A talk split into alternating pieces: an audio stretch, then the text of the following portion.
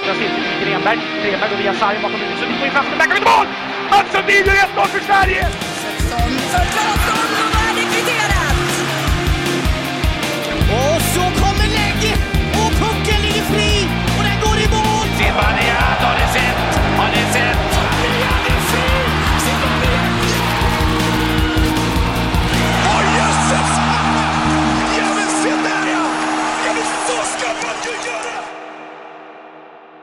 Vi säger välkomna till podcasten Sarguds 91 avsnitt. Eh, Och här sitter vi i Marcusberg som vanligt på söndagskvällar, inte en himla lördag förmiddag som, som vi testade här förra veckan.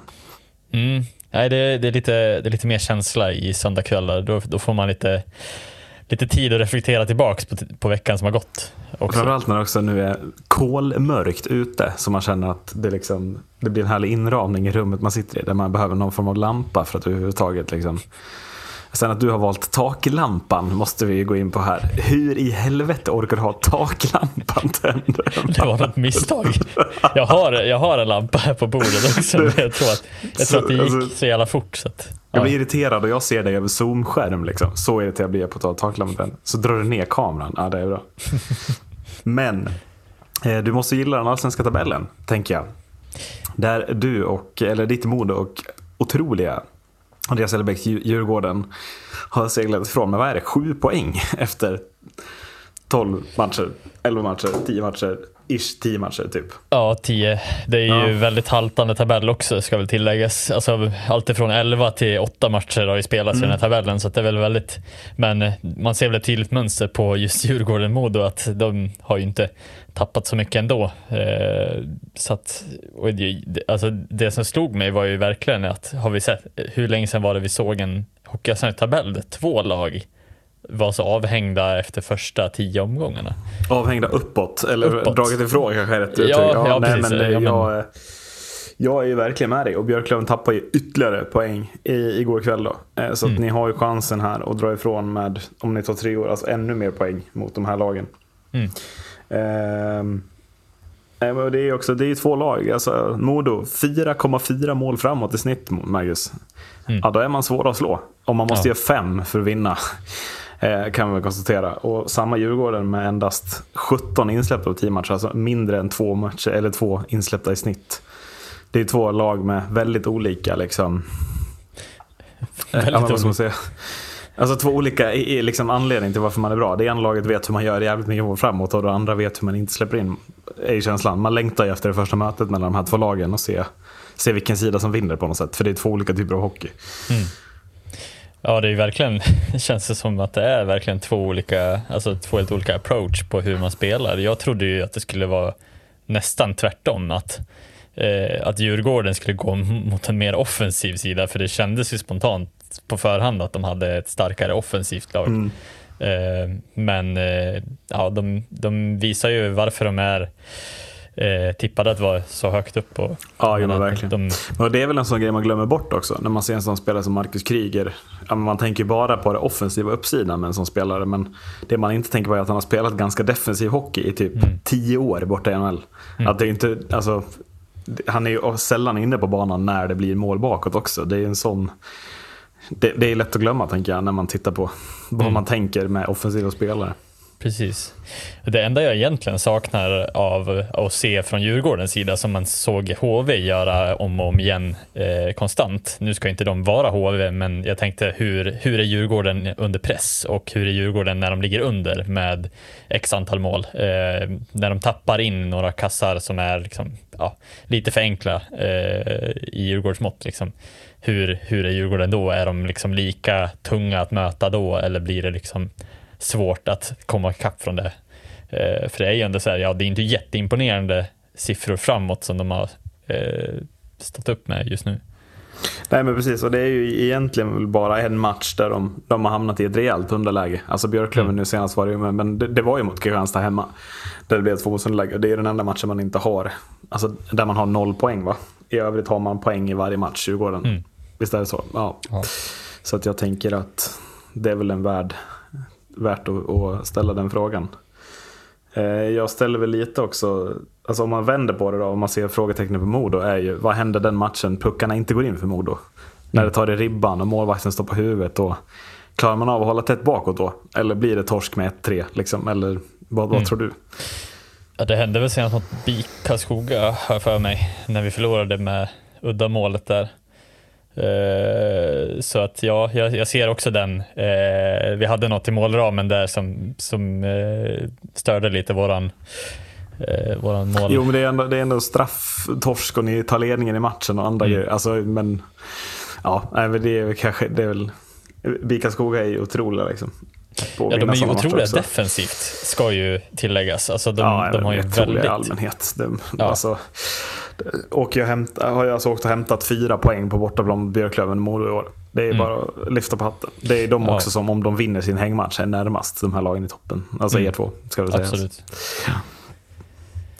Eh, ja, eh, men Modo är bra på att göra mål framåt. Två av dem som är bra på att göra mål, eller göra poäng, det är ju David Bernhard och Pontus Nässén. Det visste vi om.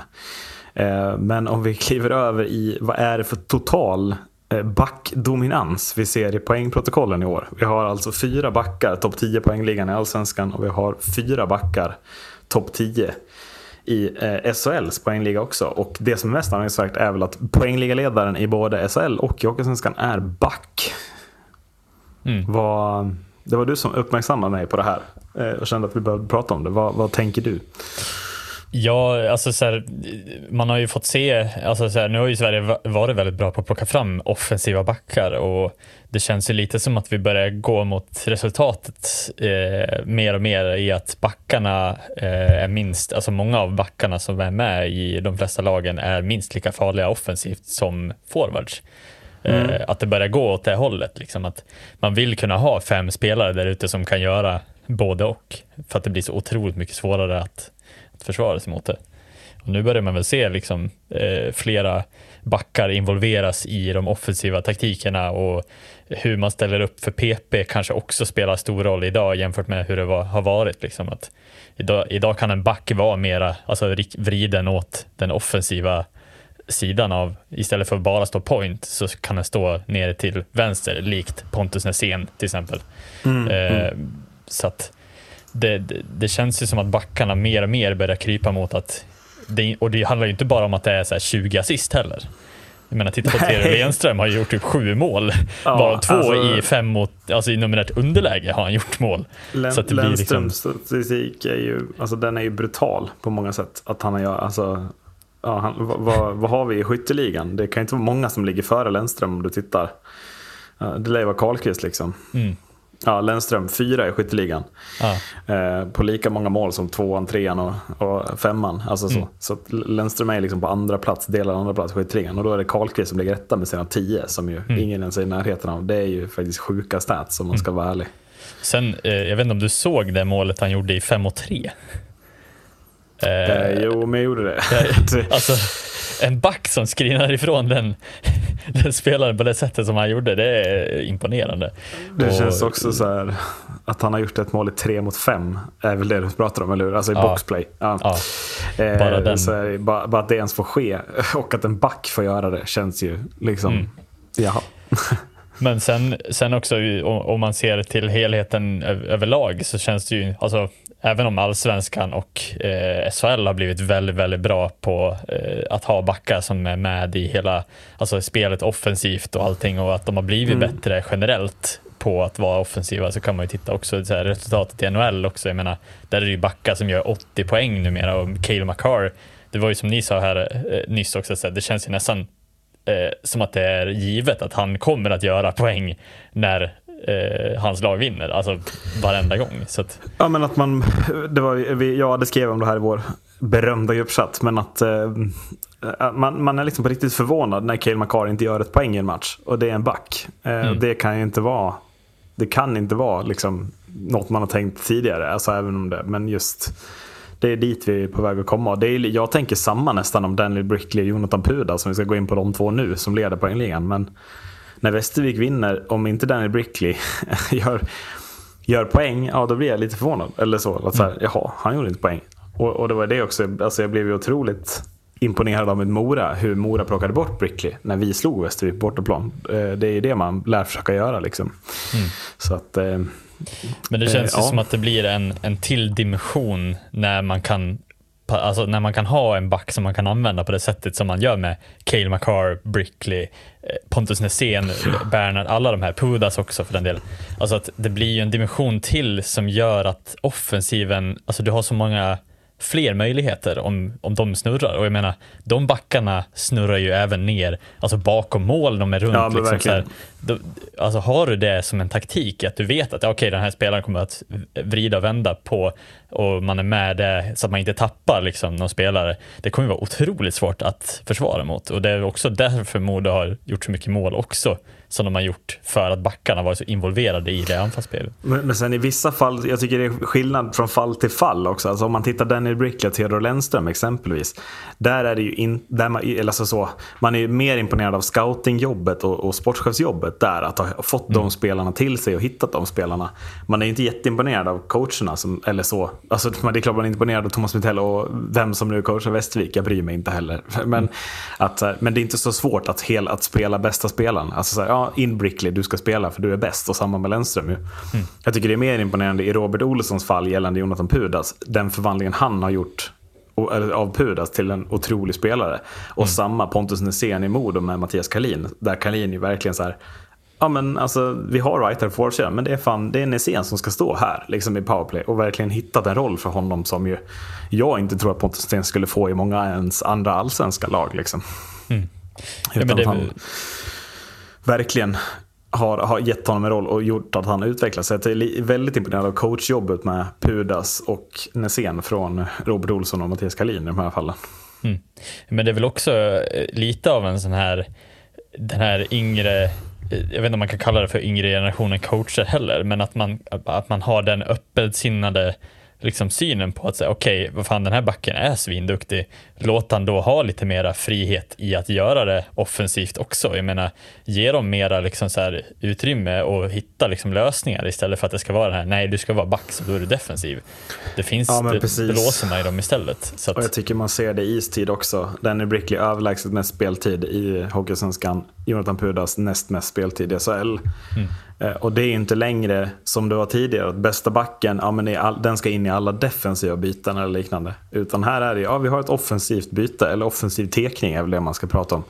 Då är det Brickley och Pudas, de ska in. Alltså de skickas in, det är liksom ingen pardon. Det är om de har varit inne i förra bytet som de byter. Annars är det de som ska in. För att nu har vi en offensiv station där de, och den det, det tycker, jag tycker det känns väldigt mycket nya skolans tränare på det sättet. Att så här, ja, men off, alltså så här, offensiv tekning, då ska du ha offensiva spelare inne. Eh, och det tycker jag kanske att man inte ser på alla tränare. Eh, jag vet inte hur du tänker, men, men i alla fall jag ser det inte i mitt Mora exempelvis. Utan där kan man skicka in fjärde kedjan när det är offensiv tekning. Liksom. Mm. man visar ju också, eller så här, jag tror att man också underskattar hur viktigt det är att kunna vara sån ja, anpassningsbar i sin coachning också. Att, jag menar, eh, om du aldrig riktigt vet från den andra sidan vad som kommer hända, så, alltså så här, eller att du vet okay, han kommer att skicka in första kedjan, men det skapar ju ändå ett momentum varenda gång du får en offensiv tekning så kommer Kalin i alla fall brukar skicka in det. Hellkvist brukar också vara riktigt duktig på att göra sånt här. Och det gör ju skillnad. Jag menar senast Bernhardt skickade ju in 2-2 mot Vika Skoga när vi gjorde exakt så. Vi, vi räddade ett poäng eh, på det sättet i en offensiv tekning. Så att, Och, Ja. och jag tycker det nya är liksom, det är lite mer det vi går, går mot nu. Att nu är det, man har verkligen, verkligen rollspelare som sätts in i olika lägen.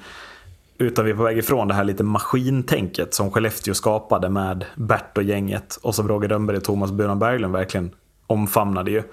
Där man liksom, vi bara pumpar på. Nästa kedja sätter vi in. De, det är liksom samma offensiva kraft. Det är det tänket de kör. Alltså de bara pumpar in och pumpar in och pumpar in. Och pumpar. Alltså, det spelar ingen roll om det är första kedjan man skickar in eller fjärde. Utan man bara pumpar på med samma, samma spel. Och ska liksom nöta ner motståndarna.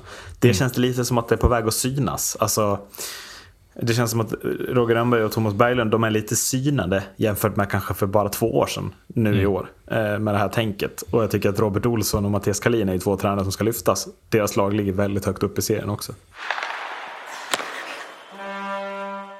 Den eh, 2 november, Marcus, så är det årets första Stockholmsderby i ishockey i Globen, eller Avicii Arena som man nu ska säga av någon outgrundlig anledning. Eh, AIK-Djurgården eh, utan Djurgårdssupportrar kom beskedet här i veckan. Vad, vad tänkte du när du såg beskedet? Eh, jag blev otroligt förvånad.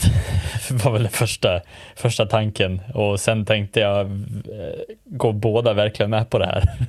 Det, det måste bli något form av liksom, ja, ramaskri från supportrar. För att jag tror inte att någon sida egentligen vill stå där själv. Eh, oavsett hur mycket de än argumenterar för att det är det som måste göras. Ja, nej, och precis. Och, eh, ja, men det kom ju direkt också. Alltså, Black Army, alltså AIKs egna supportrar, gick ut med att man ska bojkotta den här matchen som aik eh, Bara för att Djurgårdssupportrarna inte följer med in. Som, I och med att det då räknar, alltså, man ser det som ett stort hån mot supporterkulturen i allmänhet och inte bara mot Djurgårdens supportrar eller så, utan mot supporterkulturen. Och jag kände väl att det var jävligt, eller jävligt gött att det kom från Black Army och inte järnkaminerna eller så. Utan att eh, jag tror att det är det som får kanske det att vända till sist. Att det till sist kommer stå två klackar där från respektive lag. Eh, mm. Är väl känslan. Mm. Ja, absolut.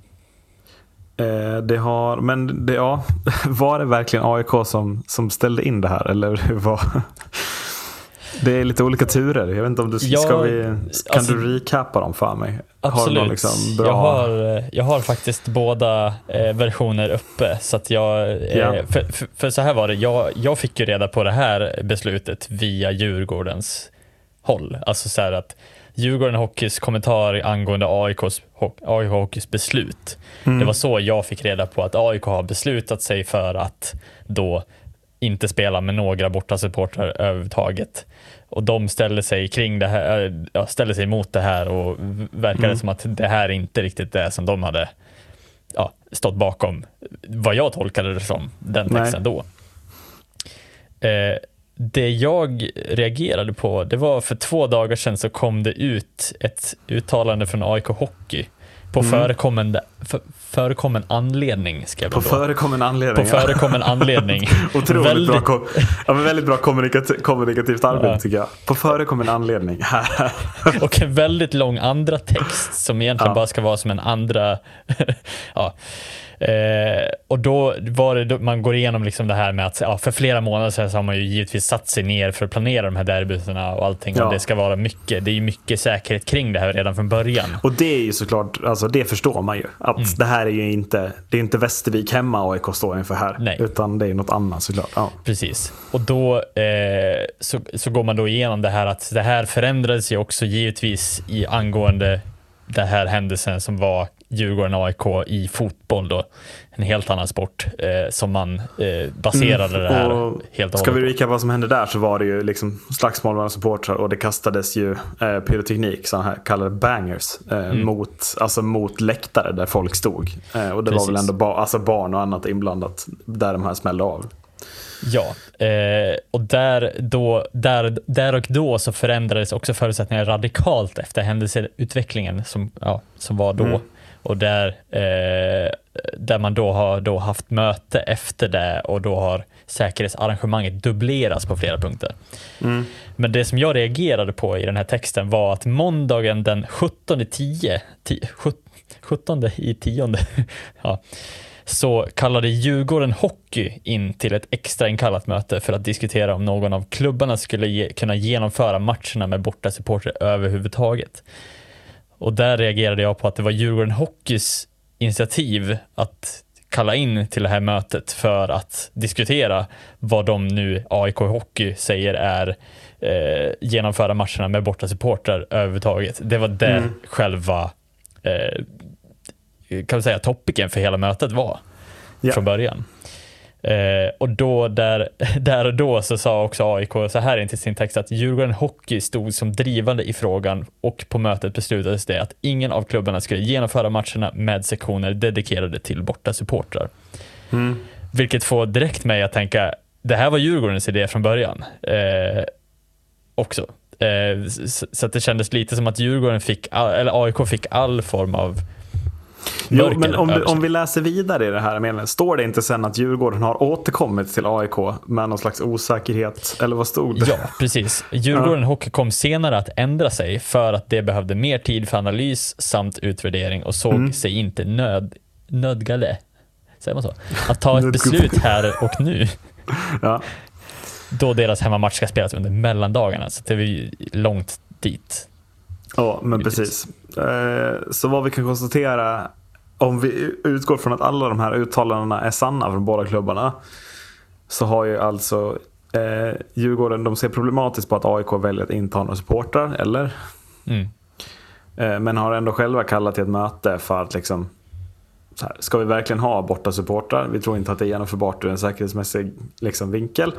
Och sen har de ångrat sig för att de tror att det kan vara genomförbart för dem, för de ska anordna det i mellandagarna. Men då blir det då för svårt för AIK att ändra på någonting och därför så kör man utan borta support den 2 november, eller? Mm. Precis.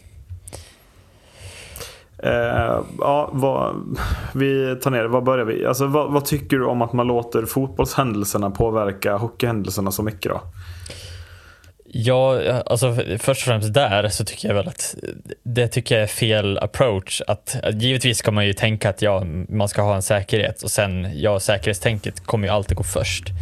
Sen, Jo, sen vet jag inte riktigt om man ska ta alldeles för alltså så här, punktligt i vad som händer i den andra sporten kommer att hända potentiellt på den här sporten, att det ska liksom bara rakt över, överföras. Givetvis kommer det ju vara en hel del liksom, det är rivalitet och det är liksom så här, det är alltid historiskt sett väldigt mycket risk eh, på sådana här högriskmatcher. Liksom. Och, men jag vet inte riktigt om man ska, nu har jag ingen aning om hur omfattande det här säkerhetstänket har varit. Givetvis har den varit ganska omfattande från början, men nu har den dubblerats på grund av den här händel- händelsen. Men vad kan vi tänka oss för säkerhetsåtgärder då? Antagligen ganska mycket säkerhetspersonal som ska möta upp Djurgårdens liksom buss eller så, supportrarna när de kommer utanför Globen. De ska få en dedikerad sektion antar jag, som i sin tur blir avstängd. Så att det inte går att ta sig därifrån eller komma dit. Det är väl de har gjort. Vad mer kan vi tänka oss om det nu har dubblerats? Ska det stängas av ännu mer? Eller ska det vara ännu mer säkerhet utanför? Ska det vara visitationszoner? Alltså vad... Jag tänker oavsett vad, så jag tänker bara lägg till det. Mm. För att jag tror verkligen inte att... Alltså händer det verkligen på två raka derbyn, så tänker jag. Jag tänker att det blev fel. Jag är lite mer orolig att alltså, nu kommer det bara bli mer och mer oroligheter kopplat till det här derbyt. Det kommer vara Djurgården i närheten av Globen. Det kan jag garantera att det kommer vara. Ja, det känns ju inte som att man bara okej, vi får inte gå, dit och skiter vi det. Nej, det känns ju alltså- lite som att så här, de kommer att ta sig dit oavsett om de vill eller inte, eller om de Nej, får eller inte. Även om de är inne Eh. eller utanför. Jag tror också det, att man riskerar ju en mer okontrollerbar liksom, situation än vad man hade gjort om man hade kunnat kontrollera säkerheten med, med allt ifrån visitation till avstängda läktare. Så, Mm. så tror jag verkligen. Jag tror att det här bara kommer vara kontraproduktivt.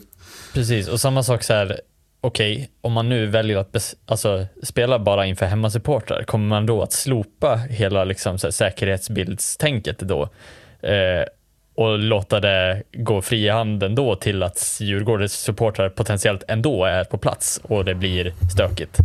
Ja, Då- nej, men det, alltså, det liksom- det kommer man väl inte. Jag, alltså, jag, det, man kommer ju inte ut några bort, alltså, borta biljetter. Däremot om man säljer biljetter. Jag vet inte hur många AIK är det som fyller det här. Men det är inte svårt att köpa biljetter som hyfsat neutral. Det är svårt att följa efter alla som köper en biljett. Och se om de är djurgårdare eller inte. Liksom.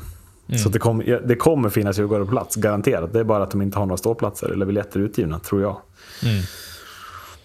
Men det som jag inte förstår är liksom vad, för det finns ju inga ståplatser i Globen.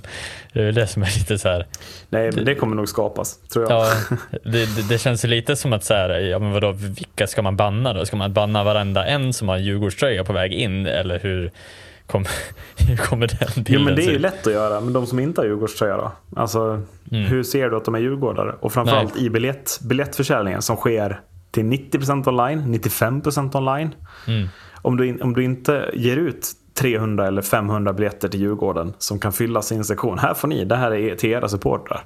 Så är det ju Mm. mindre lätt, alltså det är svårare att kontrollera vilka som kommer in och vilken lagtillhörighet de har. än om man hade haft, ja men vi vet att det kommer 500 djurgårdare för alla biljetterna är sålda. Liksom. Det, det räcker med att Djurgården, järnkaminen bara säger ja okej vi kör bara helrött, helröda eh, t-shirts och så går vi dit ändå. ja. Vem ska liksom, eller bara super incognito, alltså man kan ju ha en vit tröja. aik Ja. lär ju vara rätt svarta antar vi. Alltså, Mm. så att, mm. ja, men, men jag är fortfarande, jag känner mig mest irriterad på att man låter fotbollen alltså, diktera villkoren så mycket. ja precis.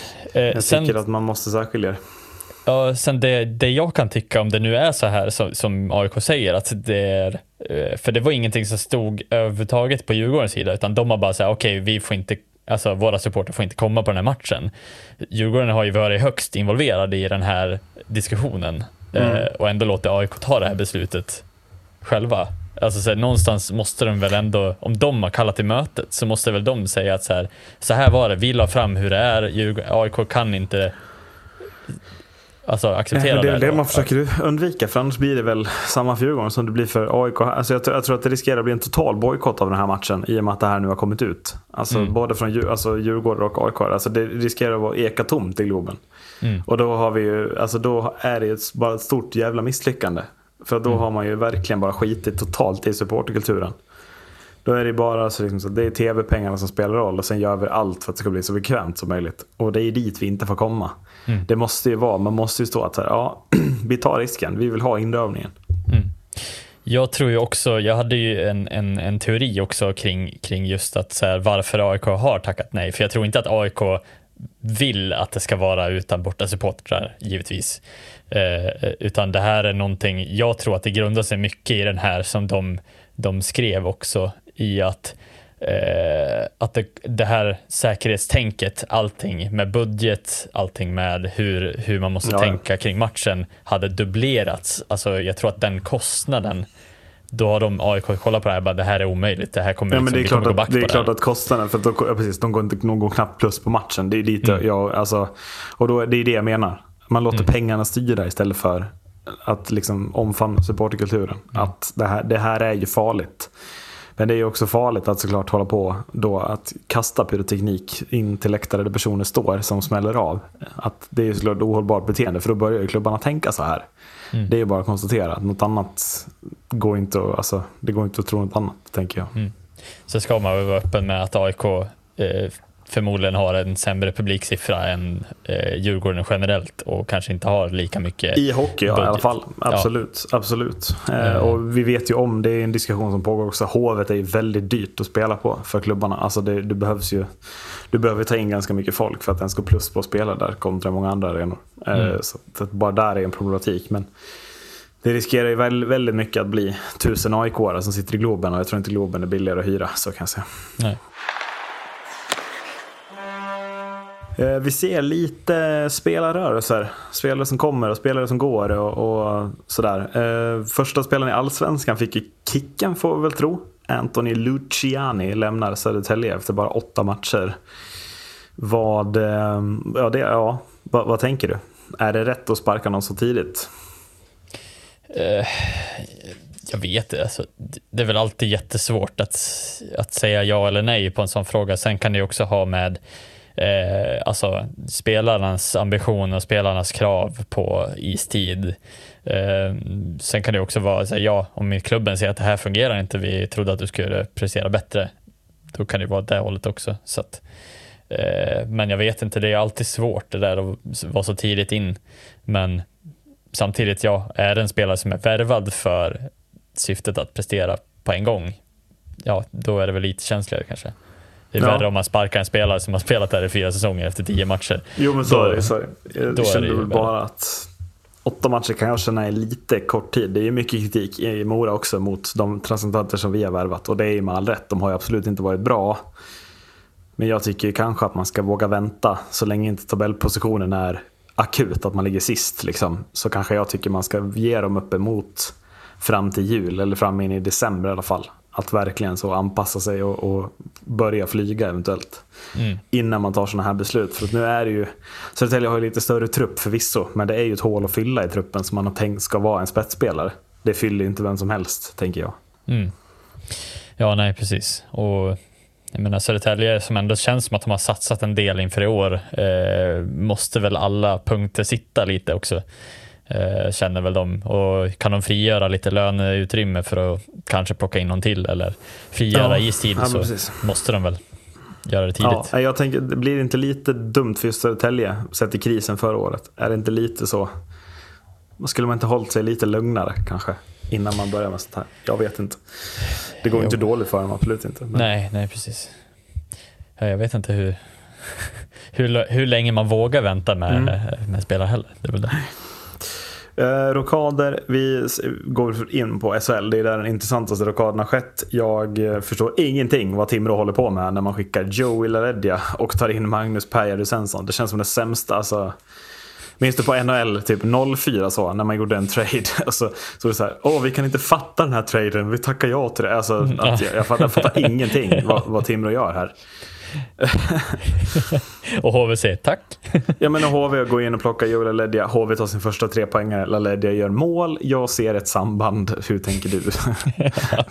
Sen kändes HV som ett nytt lag den matchen också lite. Ja. Eh, Men ja, givetvis ett lyft. Jag menar, det är ju en toppback som kommer rakt in.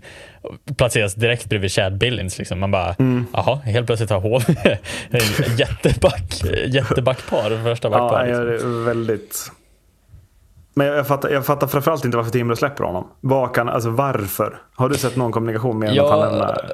ja, alltså jag, jag vet varför. Det är rent rakt av ekonomiskt var det. Eh, Ja, man, man ville man skulle, ha råd, man skulle ha råd att ta in Magnus Pääjärvi. Är det därför? Det var inte det som kommunicerades, men man sa att man ville herregud. ur ett ekonomiskt perspektiv eh, släppa alla Redja för att frigöra Mm. pengar.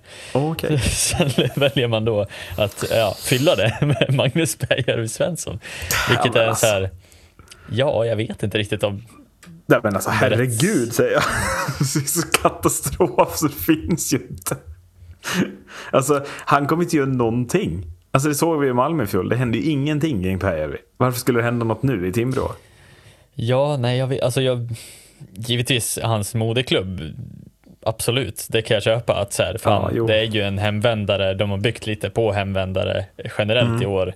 Eh, nu börjar ju Timrå ändå, tycker jag, se helt okej ut. De spelade igår och vann, eh, så jag tycker ändå att så här, Timrå ser ändå bra ut, men LaReggia kändes som en, en sån spetsspelare som man, absolut inte vill släppa i det läget alltså de ligger verkligen, verkligen. Det är ju, alltså vi har pratat om det tidigare avsnittet, liksom Pudas, Brickley. Alltså Mm. LaLeggia, det är ju liksom en, det är ju en poängspelare som är på backen i Timrå, tycker jag. Mm. Det är ju en värvning som man verkligen har prickat från dag ett när man kom upp i, i SHL också. fick det inte att stämma i Rögle liksom. Plockar in honom. Ja, funkar perfekt.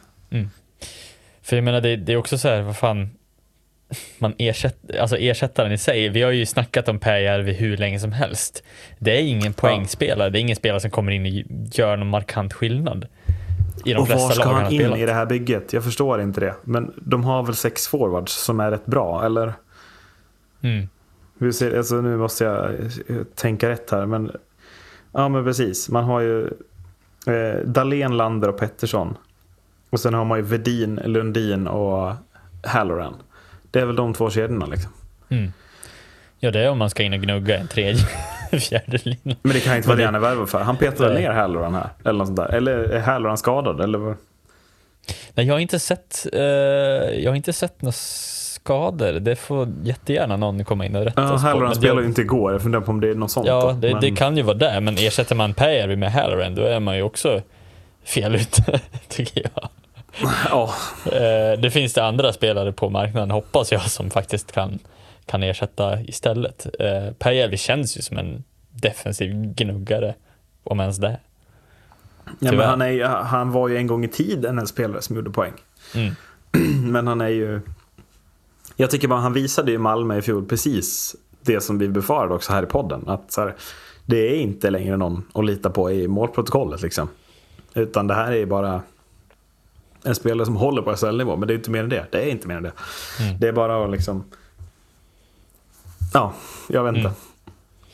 Ja. Det känns lite som att han gör den här säsongen och sen känns det lite som att Magnus Berg kanske lägger av. Alltså det är, på, det är dit jag är på väg snarare. Att så här, vad, vad ska han ens...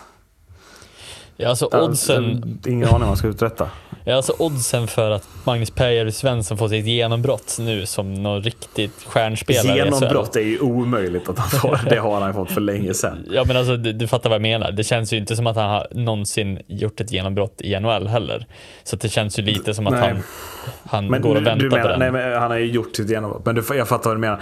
Oddsen på att han går in och liksom gör ett poäng per match, från de är helt obefintliga. Eller Mm. alltså, det, det, det, de är så höga. För mig finns det inte ett scenario där han går in och är på något sätt tongivande för Timrå, så som Joel LaLeggia var. Mm. Det är mer det jag landar på. Så här. LaLeggia ha- hade troligtvis gjort mer poäng än Pääjärvi och Pääjärvi är forward. Mm. Ja, jag håller med. Det, Mm. det, det känns så hål i huvudet att, att eh, Ja. framförallt plocka bort LaLeggia. Sen givetvis, man kan ta in PRV Ja, uppe jo, på jo, det. men verkligen, verkligen. Det, det, det är väl det vi ska poängtera. Att, att, ja. att vi, det är ju håll i huvudet att släppa en sån som LaLeggia. Mm. Framförallt när man bjuder HV på honom. HV är ju liksom, alltså, det var ju så väntat att han gick till HV så det är nästan sorgligt, tänker jag. Men, Väntar vi bara på eh, Roma också. ja, precis. Roma poäng, eller gjorde mål här. Mm. Eh, Men i HV då, är det här HVs lyft? Är det här vad de behöver? Eller är det bara temporärt? Alltså jag...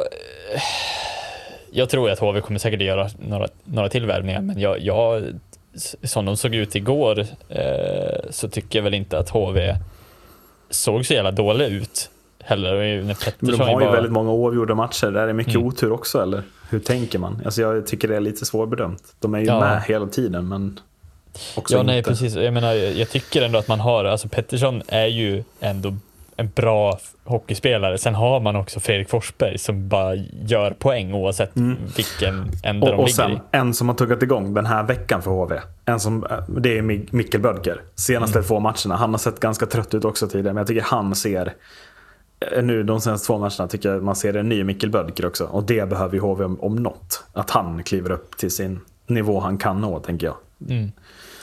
Och sen är jag väl också positivt imponerad av Emil. Alltså så här, ja, vi visste vad Emil André kunde, men att han är bättre än Erik Martinsson just nu känns som eh, var inte vad jag hade förväntat mig. Eh, Nej, nej, Sen kanske Martinsson tuggar igång, eh, givetvis. Det känns ju som en, en spelare som också har en höjd eh, att komma igång och jag menar, eh, kan de här eh, tugga igång och jag menar, Petersson kan han vara tillräckligt bra hela säsongen, då tror jag ändå att de kan, kan undvika botten. Ändå. Botten två, tänker du eller?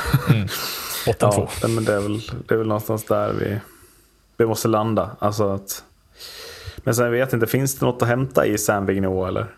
Alltså, man börjar vet tvivla inte. lite Han, ändå. alltså han, ja, han var ju uppsatt. Han spelade i första kedjan också, första center. Mm, Eh, mm. Så att, eh, men jag vet inte. Det kanske är så att han inte det inte klaffar rätt där i, i kemin eller någonting. Jag vet Nej, inte. Vad. precis. Det får jättegärna bli så, så att han kommer tillbaka. Andy Mealy har ingen riktig, det går sådär får man säga. Spelat Mm. tillsammans med Herman Hansson igår, det tror jag inte man hade som plan i HV om jag ska vara ärlig. nej, nej precis. Nej. Eh, Men HV förstärker ju också ytterligare. Eh, Niklas Hjalmarsson är klar. Vad Mm. tror vi om den här värvningen då? Inte spelat på ett helt år. Oj, ja du, alltså det där.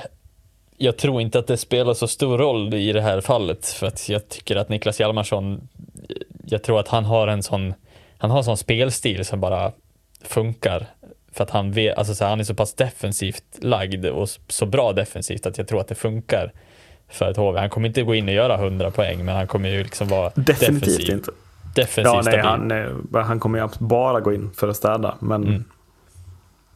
Sen, Ja. ja, vi, visst, tappat ett år eh, på det sättet, men det känns ju ändå som att så här, fan, måtte inte det. Alltså så här, eh, gå in och vara defensiv back eh, med hans, liksom, eh, med hans eh, kompetens. Känns ju ganska givet som att han kan bli en av de bästa backarna i hela SHL om, om det bara... Jo, men absolut. Det är väl också, det är väl, HV var väl han slog igenom. Mm. Det, det jag tänker på är bara en back som kommer från ett år utan spel, 13 raka år på liten rink. Och vad är han? 35, 36, Mm. när kan han vara född? Eh, Det, det känns ju som ett risktagande också kanske. eh, Om han inte får honom till ganska billig lön då, på något sätt så. Men Mm. att det känns ju som att man måste ha en tydlig plan för Niklas Hjalmarsson. För jag tror, annars så tror jag att det blir... Eller är det liksom lite av ett PR-trick också att komma och titta på Niklas? Jag vet inte. Ja, fast hade man inte, alltså jag menar, ja, man har ju sett man har sett Peter Forsberg komma tillbaka. Ja, jo, men absolut. jag, menar, eh, jag tror att man, man ska nog inte underskatta det där ändå. Eh, Hjalmarsson kommer inte behöva åka skridskor i 120 heller tror jag. Nej. Utan, eh, det räcker med att han har sin kompetens som back, spelar väldigt enkelt. Eh, så tror jag faktiskt att det kan falla väldigt bra för HV. Jag tror att det är en värd chansning. Eh, det är värre om man hade chansat på en forward eh, som inte hade spelat, inte riktigt har eh, edgen i, i åkningen. Nej, nej men precis. Ja. Eh, och just också så. Se bara till att det inte blir mål Niklas, så är vi rätt nöjda. Eller, alltså, så, ja, ja. ja, men absolut. Eh, ja, eh, vi landar väl någonstans där. Jag tänker, ska vi, ska vi avsluta lite Skånehockeyn ändå väl? Är inte... Är inte alltså vad händer i Rögle? eh, Malmö, de sa vi skulle komma sist och nu är det ju, vadå, fem förluster och sex senaste va? Bortsett från en straffseger mot Växjö, lite mirakulöst. Eh, men annars, Rögle fjärde sist 14 poäng, Malmö tredje sist 14 poäng. Det är bara Oskarshamn och HV bakom i nuläget. Men det känns ju som att Rögle får det ju verkligen inte att lyfta. Alltså vad händer där? Ja, bra fråga. Jag vet inte riktigt. Alltså det känns... Vet inte vad, jag, vad man ska tro om det bara är så pass att de har hamnat lite fel in i säsongen och det känns som att det liksom stämmer inte någonting. Känns som. Nej. Eh, Malmö, ja, de hade sitt lyft där och någon eh, det var någon som hade kommenterat på vår någonstans har jag för mig att vi alltid satte Malmö för långt ner. Jag vet inte riktigt, har vi fått befogat nu att Malmö borde vara där nere nu också? 2-12 i målskillnad på de två senaste hemmamatcherna. 0-7 mot Timrå och 2-5 mot Örebro. Det är inte så att hemmapubliken skriker av glädje heller, tänker jag mig. Nej, de hade ju samma typ av lyft förra säsongen i början. Men jag, jag, jag kan Lite hålla med. längre då. ja, precis. Eh, men nej, jag kan hålla med. Jag vet inte riktigt. Jag tycker, Jag tycker Rögle är en- fortfarande större krislaget. Vad hade, jag Ja. hade dem typ fyra, du hade dem tre. Alltså det, det, är liksom, det här är ett lag som, som och jag- jag tycker när man tittar på Rögle, det lyfter ju inte. Nej. Man åker och förlorar mot Timrå också. Det är perfekt match att åka och vinna. Eh, om man ska visa liksom att man är på allvar. Men jag tycker liksom inte riktigt att det sker. Jag tycker man förlorar för märkliga matcher och man har svårt att vinna efter full tid och sådär också. Sen har man ändå, liksom så här, det är spelare som ändå presterar. till- Stål Lyrenäs by the way har ju också varit väldigt bra. Ja, jo, jo, Eh, och men- Tambellini presterar, Saar presterar. Alltså det känns ändå som att det inte är helt eh, dött där ute på poängfronten. Men det känns bara inte som att man lyckas vinna matcher. det, det som Nej. man var, var så otroligt bra på förra säsongen. Nej, men hur mycket produktion är det då? Åtta poäng från Daniel Saar och Adam Tambellin. Alltså, räcker Ja, det? nej, det, nej, det räcker ju givetvis nej, inte. det Men gör kanske inte det. Det är väl en, alltså, alltid en definitionsfråga på vad, hur laget Såklart. ser sig. Men Mm. ja, nej, jag tycker det är skitsvårt att se. Alltså, nu har jag sett på tok för lite matcher av Rögle för att jag ska kunna ge någon större analys än så. Men det känns, Ja. jag såg lite av eh, igår eh, där jag ändå tyckte mig se ett ganska bra Rögle stundtals. Mm. Men det, liksom, det håller inte hela vägen. Eh, vilket är Nej, väldigt nej, märkligt. det, framförallt det jag reagerar på. Att liksom mycket segrar är ju så här efter förlängningssegrar. Alltså, eh, vad har man? Man har eh, tre av segrarna på hemmaplan i år exempelvis är efter förlängning. Och visst, det är segrar. Men med det trycket som har de senaste säsongerna där. Det är Linköping, det är HV och, och det är eh, eh, Brynäs som man inte lyckas hålla borta från att ta poäng på hemmaplan. Och det kommer ju betydligt tuffare motståndare de tre lagen, tänker jag. Mm. Ja, absolut. Ehm, nej, och jag, alltså, säga, jag, jag kan inte riktigt koppla vad det är som, som är orsaken till varför man eh, jag menar, man släpper ju inte in så jävla mycket mål heller vad det verkar som. Nej. Så att, nej, det är svårt, svårt Torsk hemma på. mot Malmö i derbyt dessutom, ska jag lägga till. Så att, mm, Rögle på hemmaplan, jag håller utkik. Eh, men vi, vi stannar där, tänker jag, Ja. för den här veckan. Mm. Eh, vad borde Djurgården och AIKs eh, styrelse ha gjort när de tog det här beslutet? Borde ha spelat sarg ut istället. De borde ha spelat sarg ut. Tack för att ni har lyssnat. Hej då. Hej då.